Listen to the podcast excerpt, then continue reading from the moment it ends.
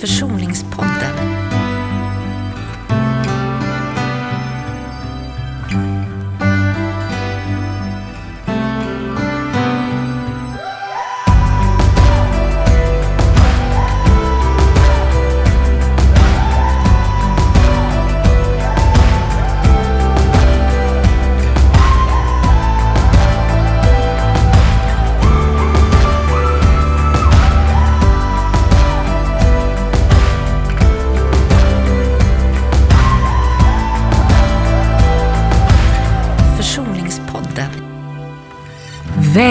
Välkomna till Försoningspodden. Podden där vi pratar försoning utifrån en massa intressanta människor som jag har bjudit in här. Jag heter Görel Fred och är psykoterapeut och föreläsare.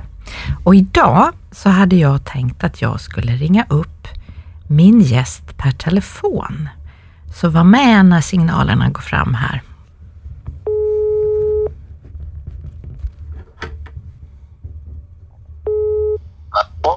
Hallå Erik, det här är Görel. Hej Erik, välkommen till Tjena. Försoningspodden. Du är, i, du är i sändning nu. Jaha. Det var rakt på. Jag tänkte just fråga om det var bättre. Jag har sån här eh, headphone. Går det bra det? det Eh, Det tror jag det gör, ja. ja. ja. ja. Så, så du, vi, vi pratar från två helt olika städer här nu Erik. Du är i Östersund och jag är i Stockholm. Och jag är så glad att du ville vara med på länk från Östersund. Så, Ja, jag är uppe i Vemdalsskalet. Ah. Jag sitter uppe i fjällen. Oj. Oj, så det, ja, så det, Det är ännu mer olika. Det är ännu mer olika. Men du Ja. Erik, jag brukar ju alltid fråga de som är med här, vem är du? Har du lust att presentera dig lite? Ja, vem är jag? Jag är en eh, jämtlänning från, från början till slut. Men har, har bott lite utanför en tio år. Men sen har jag, flyttade jag hem när jag fick barn. Och jag är en eh, trebarnspappa med utflugna barn. Och alla barnen hamnade i Stockholm, och, men jag är kvar här uppe. Ja. Ja, och så är jag familjeterapeut, Mm. socionom från Ja. början och handleder och utbildar och så. Och jag har ju valt att, att prata med dig i den här podden därför att jag tänker att du har en massa tankar om det här med försoning och föräldraskap och att jobba med det här. För det har ju du gjort Erik, eller hur? Du har jobbat Ja. med det här. Ja. Så om vi, om vi börjar där då Erik, vad, vad är det här, vad är försoning tycker du? Vad är det att försonas? Vad betyder det för dig? Ja, försoning är väl, tänker jag, att, att inte beröva sig själv sin frihet genom eh, det sätt jag förhåller mig både till min, till min egen eh, sanning om min barndom och vad jag varit med om och jag förhåller mig till den, den, den som har varit min förälder, den som har varit mina barn. Eh, så att eh, en stor fälla man kan hamna i det är just när man hamnar i objekt, när man objekt, objektifierar sig själv, alltså att jag blir, blir, blir en, ett offer för någonting och jag försöker via fjärrkontroll styra andra, få andra att göra på ett annorlunda sätt. Om jag hamnar i den här, som det blir en upptrappning, båda är objekten och båda vill, vill tala om hur illa man har farit och, och, och, och genom att anklaga den andra försöka få den andra att ändra sig. Där, där tappar man en frihet, man tappar en, en makt, en kraft faktiskt. Det här är ju jättespännande. Kan du inte säga lite mer om det? Att man berövar sig själv sin frihet genom att vad? Att, att, eh, att vilja bli hörd eller hur tänker du då? Vad, vad är, på vilket sätt berövar jag mig min frihet? Eh, Då tänker jag mycket att man har berättelser som, som i sig blir självreproducerande. Eh, Både att jag fastnar i, i samma berättelse, det är en sak. Jag tänker det är viktigt att skilja då, eh, om, man tänker att jag har, det är mycket outtalat, osagt mellan oss. Så. Då måste man ju börja prata och, och få igång, det är ditt första steg. Jag tänker då när man har fastnat i det att det är mycket som har sagts redan och, och det sagts på samma sätt och, och man hamnar i, i, i en upprepning av samma saker både inom mig själv, min egen Mm. berättelse hela tiden blir så att jag, jag, jag, jag, ja, jag, jag, jag håller igång glöden inom mig själv att känna oförrätt och, och, och, eller saknad och längtan efter saker som kanske jag någonstans, om jag säger att man är vuxen då, borde känna att det här är inte möjligt att få eller mm. Eh, jag, jag, jag, kan inte få det men att någonting driver mig ändå att hela tiden försöka få det som jag kanske på ett sätt inte skulle kunna säga att det går inte, det, det är inte möjligt och då, då blir jag berövad min frihet för då kommer jag hamna i, i en roll där jag vill, vill ha någonting av någon annan och sätt att få det kan bli lätt med anklagelse och, och, och det är frågan ibland kanske det går men många gånger kan man kriga sig till kärlek eller måste man hitta nya ord, Varför? nya sätt att förhålla sig. Ja, vad, vad, ja alltså vad, vad, vad tänker du när du säger så? Kan man kriga sig till kärlek? Tänker du att en del människor försöker det? Ja, jag tror, jag tror det faktiskt att det, att det blir så olyckligt. Alltså det vill man ha någonstans men, men ja, där har man ju lätt så att när man hamnar Eh, om, om vi tar just mellan barn och föräldrar eller makar som håller på att skilja sig och har mm. levt länge ihop mm. så är det så snabba eh, känslospår. Man hör någonting, någon säger ett ord som väcker ett annat mm. känsla hos mig, oförrätt om någonting och så är man igång och så blir det ett repetitivt mönster. Mm. Och där, där båda hjälps åt från varsitt håll att, att eh, hålla fyr i anklagelser mer än att försöka, det ges ingen chans att försöka hitta nya sätt att, att förhålla sig. De, orden ger andra ord hela tiden. Mm. Så det gäller hur får jag makt över mina ord? Hur får jag, får jag, jag tänker jag som behandlare, hur kan jag hjälpa människor att försöka hitta nya ord och prata om det som har hänt eller faktiskt se att är det här pratat om förut? Är det någonting annat man borde prata om? Mm. Och då, har, då tänker jag som syftet är från att om vi tänker de vuxna, eh, vuxna som har varit barn och så deras föräldrar, om vi har den utgångspunkten då. Eh, barndomen är, är ju faktiskt över. Mm. Sen har vi en inom oss på olika sätt, men det är ju ett, en utmaning både för de föräldrarna då och de unga vuxna som har varit barn då, mm. att hur når jag fram till ett mellanmänskligt möte? Alltså det är en utmaning, hur, hur pratar jag så, så att det ger ges chans till att nå ett mellanmänskligt möte. Och vad, vad, vad, vad, har, vad tycker du har hjälpt då, Erik? Hur, hur, hur, vad tänker du att människor kan svara an på så att man når en annan, ett annat samtal? Ja, alltså dels så tänker jag strukturen i, i samtalet, om, om vi tar mig då som behandlare så det, det gäller om, om vi kallar det att äga rummet, att, att jag visar tydligt att det är jag som... Jag, jag tillåter inte att det blir ett repetitivt mönster som börjar gå igång. Om det börjar mm. gå igång eh, och, och någon vill berätta om den andra, du gjorde det och det och det, så, så kanske jag avbryter och bara undrar att det du berättar om nu, har ni pratat om det här förut? Mm. Att faktiskt vara helt uppmärksam på det. Mm. Och om de säger ja, det är hopplöst, jag har försökt att säga gång på gång, men du lyssnar aldrig, tar aldrig in. Mm. Hur ska, då säger jag, hur ska vi prata om det här så att det blir någonting annorlunda då? Mm. Och, och, hur ska man beskriva det?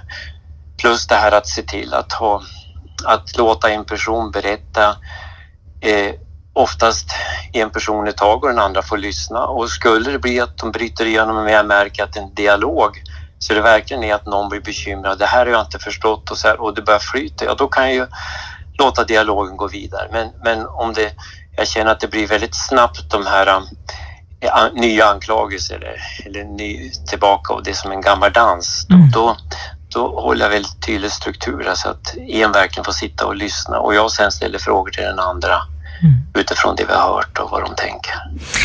Tycker, är din erfarenhet att, alltså finns det, om vi tar vuxna barn och deras föräldrar, tänker du att det finns det, det, går verkligen inte. Alltså tänker du att det finns gånger där vad man än gör och vilka metoder man än använder som terapeut så är inte de här människorna beredda att lyssna på varandra. Tänker du att det kan vara så? Ja, det, det, det kan det nog vara. Det, det, och det jag varit med om ibland det är ju att det är den ena parten som vill väldigt mycket ha en dialog, få en, en, ny relation på olika sätt, men den andra vill inte. Alltså så från början och det går ju att försöka öka motivation men ibland är det så att den som kommer dit har bestämt sig att jag vill jag vill avvisa igen eller jag vill visa hur sårad jag är över det här och, och att så, så, kan det vara svårt och då är liksom ja, det, det blir ju bara att konstatera hur det är men jag får ju försöka på olika sätt. Så för, för, för det, det, kan jag ändå vara i att om man ändå väljer då att gå till en sån som du, alltså man tar sig dit rent fysiskt liksom. Eh, vad, vad tror du det är man ändå hoppas på när man inte vill lyssna? Alltså om du, om du säger så här, man kommer dit för att upprepa sina anklagelser. Ja. Man har ju ändå gått dit. Är du med? Man har ansträngt sig, man, har, man vaknar på tisdag morgon och tänker i eftermiddag ska jag träffa min mamma hos Erik liksom. Och så går ja. man dit. Vad, vad, är det tror du som man, vad är, det, vad är det för kraft som gör att man går och träffar sin förälder för 78 gången och inte, man både hoppas och inte hoppas, eller? Förstår du vad jag menar? Ja, jag tänker att eh, Ja, så tänker jag att det kan vara också, att man, man både vill både och. Eh, det kan vara så att man är just beroende på situationen är allting väldigt starkt just nu skulle vilja ha ett vittne och att jag som, som behandlare är det vittne jag, mm. som skulle kunna finnas då som, som, som, eh, ja, som man pratar ibland om utomstående vittne mm. som bekräftar hur orättvist jag är, är eh, orättvisa anklagelser eller hur jag har det både som äldre förälder eller ung vuxen. Eh, att det finns från någon av dem som vill ha det. Men, men sen kan det också vara att jag har så mycket ilska, ledsenhet, vrede inom mig så jag vill bara ha ett nytt tillfälle att få, få säga det här men jag vill mm. inte ha en, en försoning just nu. Jag, för den här vreden håller igång mig också på något sätt. Mm. Så det ger mig en kraft också, så kan det vara. Och mm. för ibland kan ju en vrede vara en kraft också som gör att jag gör något annat. Men sen tänker jag som det lät på din, din fundering, det, det är att någonstans så hoppas jag på det omöjliga. Tänk om det fast det är helt outtalat inom mig då, de här gångerna då, då, då det blir väldigt svårt att få ihop. Mm. Att det finns ett hopp något men, och då, då, ibland kan det vara ett hopp som faktiskt går att införliva om vi skulle kunna börja prata på ett annorlunda sätt och mm. lämna det repetitiva och ta något nytt sätt att prata om. Finns det det som är opratat och vad gör man med det vi vet nu och vad, vad, vad hoppas man och vilka drömmar har man om en, en relation? Vilken vuxenrelation vill vi ha med varandra trots att vi är föräldrar-barnrelationen, att den finns inom oss? Och vad har vi kämpat med var och en så inte jag återupprepar och är den förälder som jag inte längre är till det här vuxna barnet och mm. hur återupprepar jag som det vuxna barnet inte mitt sätt att vara som barn i förhållande till till den här personen som har varit min pappa eller mamma. Mm. För, att, för att jag, jag, jag förlåt, bröt jag dig? Mm. Ja. Bröt jag dig? Nej, för att jag kan, jag, kan, jag kan tänka så här också, den här dubbla det här dubbla för ett vuxet barn, att man har blivit, man tycker att man har blivit kränkt i en situation där man inte kunde välja och allt det här. Alltså, yeah. man, det är mm. jättesvårt och det, ibland kan jag tänka så här att människor tycker att om de skulle lyssna på sin förälder eller försöka förstå den eller gå den till möte så skulle de svika sig själv.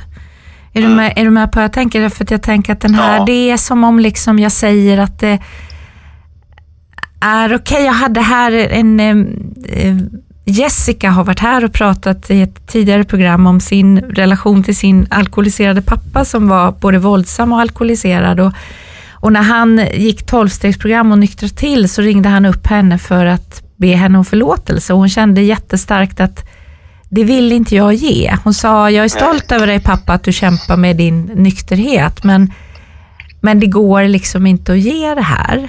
Och då kan jag, då kan jag, alltså jag vet inte riktigt vad jag far efter, men att någonting kring, vad går balansen mellan att man inte går med igen på att, att förlåta eller att inte känna efter och att man möter. Förstår du vad jag far efter? Ja, ja jag, jag tror, jag tror att jag kanske gör det. Mm. Jag tänker det jag sa från början då, det här att inte beröva sig själv sin frihet och det kan ju vara genom att faktiskt ha kvar det här stark känsla av hur, hur felaktigt jag blir bemött på olika sätt och jag vill inte förlåta någon annan för faktiskt det gick inte att förlåta, det går inte att förlåta. Mm. Så kan det vara att jag har en frihet i det på det sättet att jag säger så här är det och så här får jag leva med och hur, hur går jag vidare? Mm. Men, men om jag är, är upptagen och skulle vilja eh, ha förklaringar, ha eh, försöka förstå varför det blev som det blev och, och, den andra har gett vad den kan ge och det går inte att få något mer eller den andra har inte förmåga att, att leva sig in i det var för mig liknande. Och jag fortsätter att insistera det, då tänker jag då, då kanske jag i, i, på det sättet då berövar mig själv min egen frihet att gå vidare för att det, det här tar så mycket kraft, så mycket energi. Mm och sårar mig så mycket varje gång. Men, men absolut, det du säger så är ju det också en frihet. Jag inser att det är på det här sättet och jag tänker inte det. Och, mm. och jag tappar mig själv om jag skulle göra det. Men då är det ett val. Jag tänkte, det handlar mycket om existentiella val också som man hamnar i. Hur, hur, då, hur då tänker du? På vilka sätt är det existentiella val? Jag håller med dig, men jo, vad tänker du? Ja, ja alltså, alltså att eh, jag väljer någonting. Eller, alltså om jag, om jag väljer ja, om vi, vi kallar det att en, en kamp, om vi kallar det så, att det ibland kan vara en kamp för någonting, så, så kanske jag väljer bort vägen till försoning då. Mm. Eh, det är ett val som, som jag, det kanske är väldigt svårt att få både och, att, att kämpa svårt och få en, eh, om man tänker en dialog mellan oss och, och, och, en försoning på det sättet så, så kanske orden som kommer i kampen skadar så mycket och gör så mycket illa så att för varje gång jag försöker det så raserar jag en del av grunden till mm. att bygga upp det här mm. nya. Mm. Mm. Så, så om, man, om, om du fick säga vad du tror är nödvändiga ingredienser för att det ska gå att komma till terapi hos dig som vuxet barn med sin förälder. Ja. Vad skulle du säga då? Alltså, kan du säga så här, man, det är nog inte så smart att komma i terapi om man inte har gjort det här. vad är det i så ja. fall, vad är det man skulle... Ja, alltså bästa förutsättningen är att man som du var inne på förut, att man vill någonting med samtalet. Mm. Alltså att man vill, vill nå någonting helst, va? Mm. någonting annorlunda.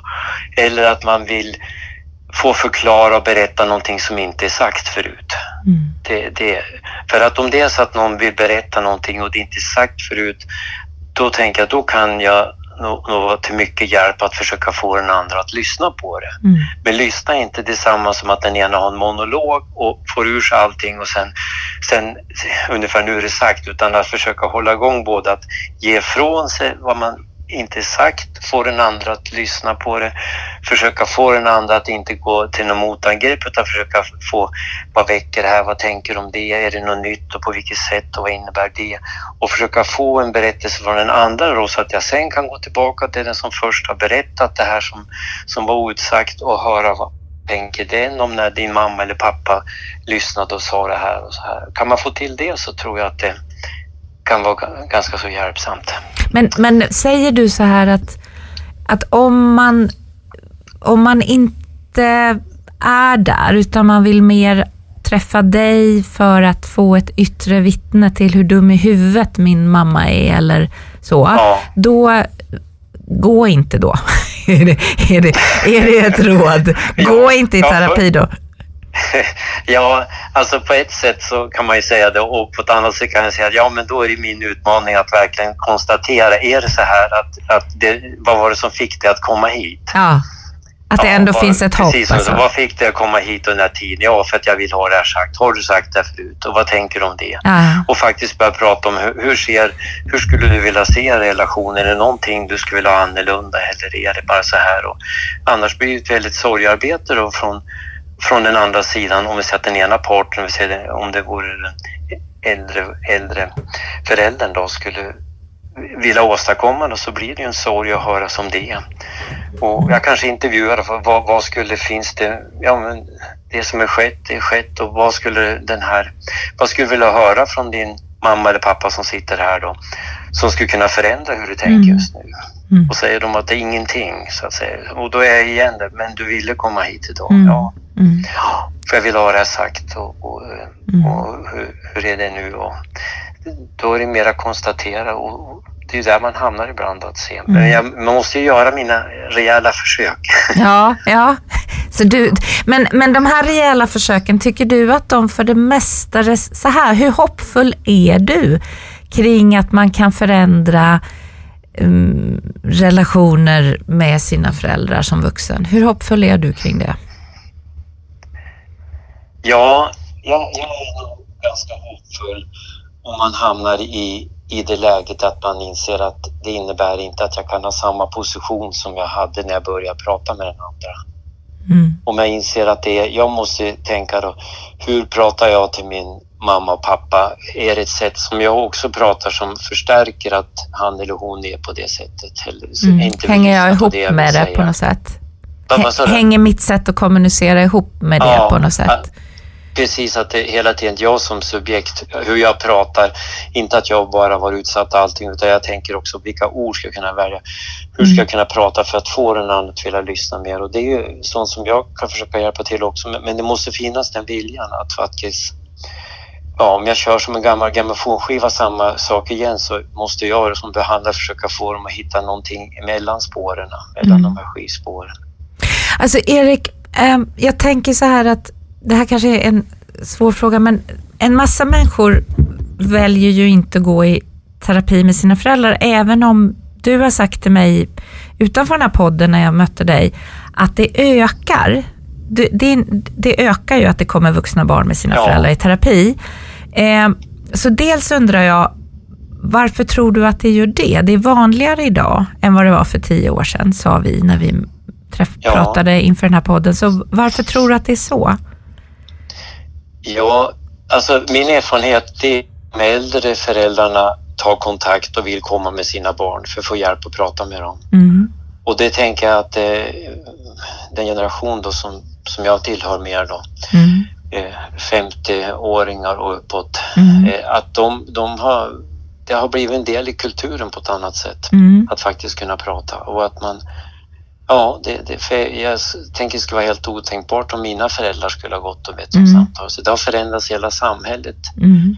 Hur vi, vi har väl blivit lite amerikaniserade på det sättet att terapi, samtal ingår på ett annat sätt. Mm. Plus i me- media, så många människor berättar om hur, hur jobbigt man har med olika relationer och, Mm. och, så. Det tror jag också påverkar. Det, det är inte något konstigt utan det naturliga är egentligen att alla har sitt att, att kämpa med. Och vi pratar om det mer öppet menar du i samhället idag och därför blir det mer, ja. Ja, det blir inte lika skamfyllt att man har det svårt. Nej, det, den här illusionen om att en del har ett totalt lyckligt liv tror jag inte många går på längre. Utan all, alla har sitt och, alla har sitt och, och, Ja. och, och, och, och kämpa med Ja. På olika sätt. Men om man inte, om man nu inte ändå går till dig och liksom tar sig den tiden, man vågar inte riktigt eller man, ja du vet så här, det är ändå en stor grej. Har du någon sån där råd till alla de som lyssnar nu som tycker att de har det väldigt krångligt med sina föräldrar men vill inte gå i terapi? Alltså när det blir så här upp, som man låter som en grammofonskiva och det du sa. Vad, vad tänker du, finns det något man kan tänka på även om man inte uppsöker en terapeut? Om man vill förändra detta? Ja, ja alltså då tänker jag det att, att fundera på vilken, vilken relation vill jag ha idag som vuxen, om vi utgår då som yngre vuxen, vilken relation vill jag ha till min äldre förälder? Eller som en äldre, vilken relation vill jag till mina barn utifrån som det är idag? Hur ska jag kunna få till ett möte där vi möts som vuxna fastän vi är föräldrabarn, det kommer vi aldrig ifrån, men Mm. så, mycket, så, mycket som möjligt. Och speciellt också tänka, finns det barnbarn? Vilken relation att ta ansvar, då hamnar man i den där subjektpositionen att verkligen ta ansvar.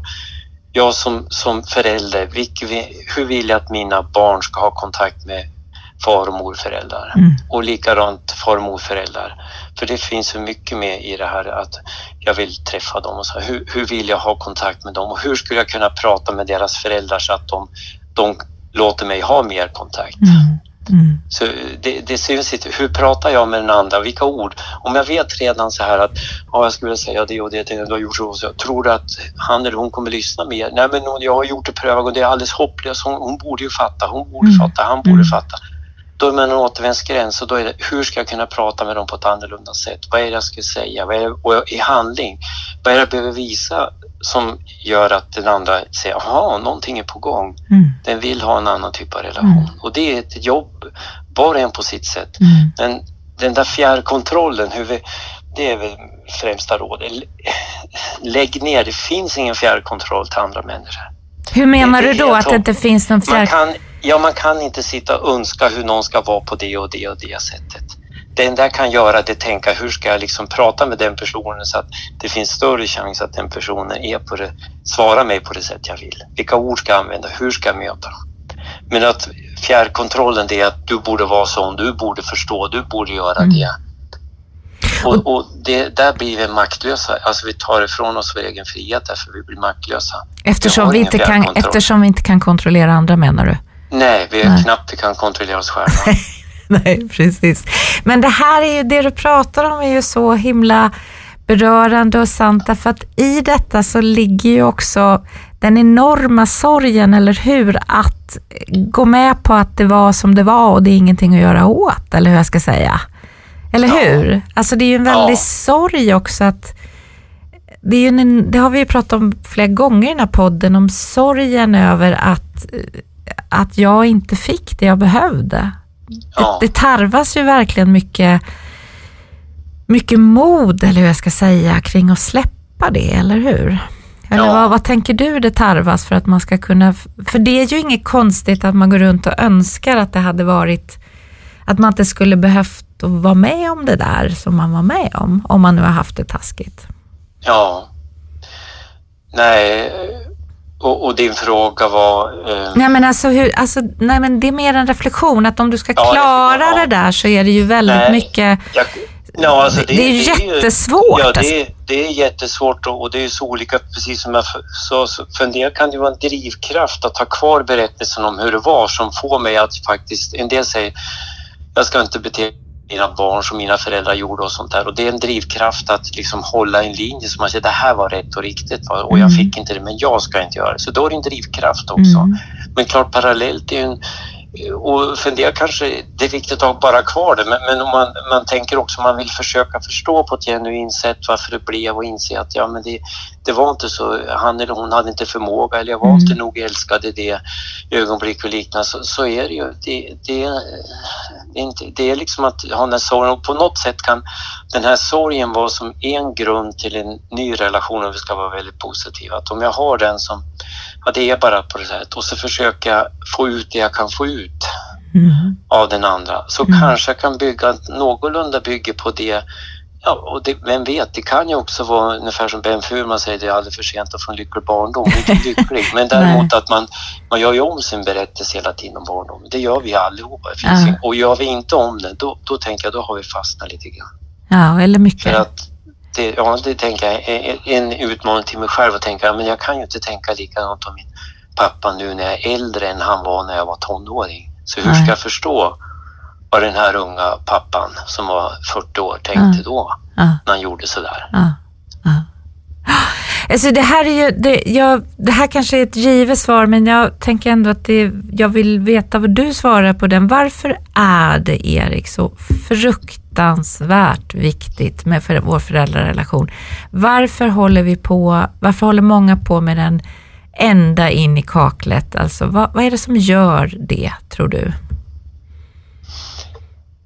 Ja, varför vi inte kan släppa det, det, det Ja, det tycker jag var väldigt svårt. Mm. För jag tänker så här, eh, om jag tänker min pappa då, han var 95 när han dog och, och, och så här och han hade ju mycket såna standardsvar på så, ja men det var så på den tiden. Mm. Och, och, och, det var ju liksom ett, eh, ett skydd på ett sätt. Mm. Men det, det, gick att hålla sig till det också för då hade han en berättelse. Han kunde, ja men det var inte så mycket så här och ja men de var inte hemma så mycket föräldrar. De hade mycket, de skulle jobba och så här. Då var det ett sätt. Och nu kanske man någon annan berättelse att hålla sig i och som handlar mycket om att Ja, vi, vi, vi, vi tittar på vår sårbarhet kanske på ett annat sätt. Vi säger inte att det var bara så, utan vi säger att det var för jäkligt att det var så. Jag hade rätt och liknande. Vi kräver vår rätt på ett annat sätt. Då. Mm. Sen är ju det där rent psykologiskt, det som man upplever som barn, allt det sätter ju sig där. Det är mm. ju bara så, det går inte att ta bort. Mm. Det sitter ju som djupa spår, det är ju bara så. Mm. Så, så vi kan säga till alla som lyssnar där ute att, att eh, det är inget konstigt att man inte tycker det här är så lätt, eller hur? Just det är normalt. Det, det, är mer så här, om du inte tycker det här är svårt så... Så är du lite... Ja. Så borde du, borde ja. du kanske få hjälp med det. Om, I och för sig, du kanske har ett lyckligt liv, men, men så är det precis som du säger. att det, det normala är ju faktiskt det här. Det är ju, det är ju livssaltet på något sätt. För för. Och särskilt om man får egna barn, då, det är ju det som sätter igång igen. Då. Hur vill jag vara mot mina egna barn och på vilket sätt? Och så sätter det igång och så tankar hur jag hade det själv. Och så. Du, du pratade lite om din pappa och så. Vad, vad tänker du att den relationen, vad tog du med dig av den erfarenheten till ditt eget pappaskap? Och vad tänker du var någonting du tog spjärn emot och vad tänker du att du, eh, att du vilade i så att säga som pappa själv? Ja, det, det jag tog spjärn emot det var ju det att eh, jag vill själv vara mer närvarande och, och, och, och, eh, feedback som inte han gjorde på ett annat sätt och så. Och, och det i sin tur kan ju vara att jag kanske ibland har varit för kraftfull i det också, att tala om vad jag tycker och tänker och, och finnas där. Så att det, det du menar att du var för tydlig till dina barn, eller hur då menar du? Ja, och känslomässigt så här, ja, ge, ge en reaktion på saker och ting, för mm. det, det fick jag inte riktigt från honom.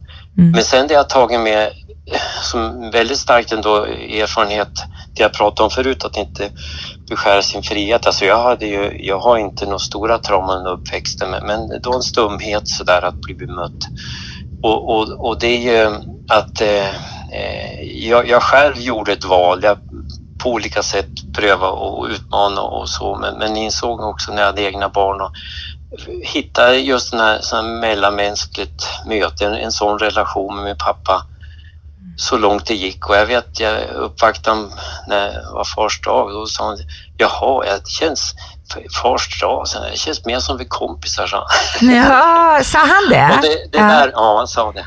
Uh. Jag tänker mig, och det, det värmde mig väldigt mycket, för det var ju också ett val för mig. Ja, men man får lägga bort en massa skitsaker. Uh. Det är inte det viktiga och det är inte det, det går inte komma längre för det är som det är. Jag prövar och då kände jag så och så försöka hitta det som fanns oss emellan och vi gjorde saker, byggde och höll på saker ihop och jag såg uh. vilken god eh, farfar han var till, till mina barn och sånt där. Och det, det, den delen har jag alltid haft. Men, men att känna det, att jag verkligen valde det och då fick vi en väldigt bra grund. Va? Men jag hade ju inga stora saker att, att bearbeta, men mer sådär som alla andra. Men för att kunna, för att kunna vara där, liksom i, jag, jag tar det jag kan få, så att säga. Ja. Vad, vad var det som gjorde att du, vad, vad tror du att du eh, behövde göra för att kunna vara där? För det måste ju ha föregåtts av en annan process innan. Man ja, kommer ju inte dit direkt. Det, liksom. Ja, det var lite av det du säger alltså med sorgen. Mm. Om vissa saker. Vissa saker kände jag och, och, jag menar jag är psykoterapeut så jag gick ju i terapi mm. i min utbildning så jag hade mm. god hjälp av det också. Mm. Men vissa saker inser jag, så här var det med det och så var det med det. Mm.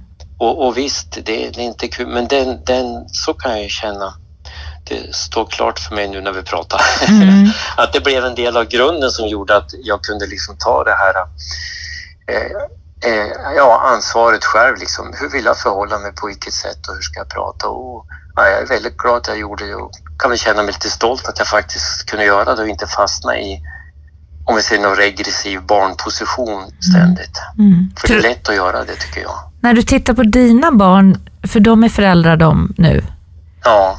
Tänker du att det, är, att, det är, att det är det de har tagit med sig från ditt föräldraskap? Att... Ja, jag tror det är både och. Där. Vi, vi, jag tror vi är i en process då vi håller på med det här också. Ja, och det kanske man gör hela... Ja. Man håller på med det. Ja, det tänker jag. Och att inte, för, inte, inte ens vi som är terapeuter är förskonade.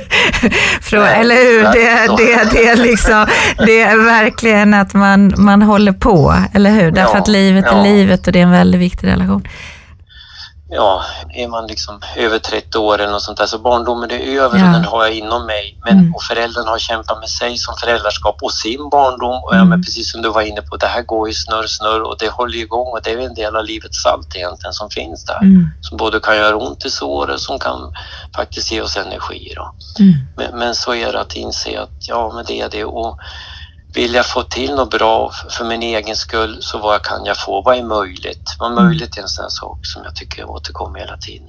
Vad är möjligt? Från början, när, från början när jag var behandlare då trodde jag allt var möjligt men mm.